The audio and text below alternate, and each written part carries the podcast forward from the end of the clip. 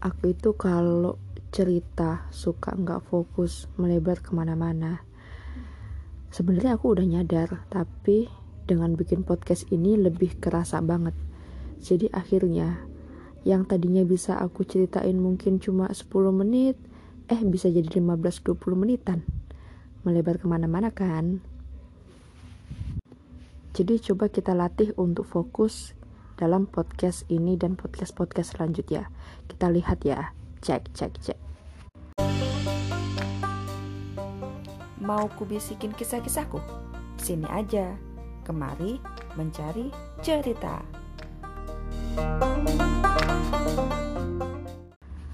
Kita sering banget kalau ngelihat teman-teman yang jualan itu kelihatan laris. Jualan A gampang banget bentaran jualan. Eh kelihatan rame. Teman B jualan ini kelihatan rame. Teman yang C jualan yang lain lagi kelihatan rame. Dan mereka itu semua terlihat berhasil. Padahal baru buka tapi kelihatannya laris manis banget. Dan itu sering bikin kita berpikir hmm, gampang banget ya gitu. Enak ya jualan kayak gitu. Kayaknya banyak deh yang suka sama itu barang-barang kayak gitu. Atau uh, gampang banget ya jualan gitu. Kayaknya dianya ini uh, jago deh jualan kayak gitu. Terus kita jadi pengen ikutan jualan. Entah itu ikutan atau memang keinginan sendiri tapi keseringan kita lihat teman-teman yang seperti itu terus kita tertarik untuk ikutan jualan seperti mereka ternyata giliran kita ini ikutan jualan eh kita nggak selaris mereka. Eh, awalnya laris, nantinya lesu. Eh, ternyata nggak semudah itu. Ya kan? Ternyata sebenarnya apa yang kita lihat dari mereka-mereka itu hanyalah terlihat seperti itu.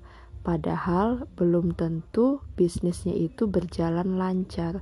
Kita nggak tahu apa yang terjadi di sana. Bisa jadi me memang terlihat laris tapi kita kan nggak tahu juga pembukuannya apakah itu sesuai dengan modal mereka apakah itu sesuai dengan harapan mereka apakah penjualannya meningkat ataukah menurun? Kita nggak pernah tahu tapi kita sebagai orang luar kita selalu melihat mereka itu bagus mereka itu laris terus kita pengen juga jualan seperti mereka. Lah ternyata kita nggak sukses nggak berhasil seperti mereka seperti di episodeku kemarin aku ada sedikit menyinggung bahwa kesuksesan itu nggak bisa dicontek. Sukses itu ya balik ke masing-masing. Sukses kok nyontek nggak bisa. Walaupun apa yang udah kita lakukan itu sama dengan apa yang dia lakukan. Walaupun dia udah ngajarin kita cara-caranya, tapi belum tentu kita bisa berhasil seperti dia. Oke, dia bisa, kita belum tentu. Bukan berarti kita nggak bisa karena nggak mampu, bukan. Tapi lihat dulu, apakah bisnis itu sesuai dengan kita, sesuai dengan passion kita, sesuai dengan cara kita atau enggak, ya kan? Kalau enggak, bisa jadi kita nggak akan berhasil, tapi dia berhasil yang selanjutnya dia mungkin terlihat berhasil padahal dia baru memulai terus langsung laris manis. Kita nggak tahu kan apa yang dia lakukan sebelum-sebelumnya.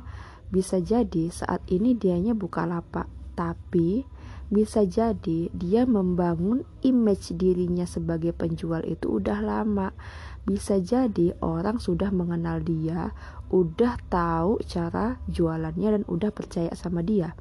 Jadi ketika dianya itu jualan buka lapak atau jualan hal-hal apa pun yang dia jual itu laris bisa jadi karena dia sudah membangun itu sebenarnya sejak lama orang sudah percaya sama dia dan dia sudah punya branding dalam dirinya.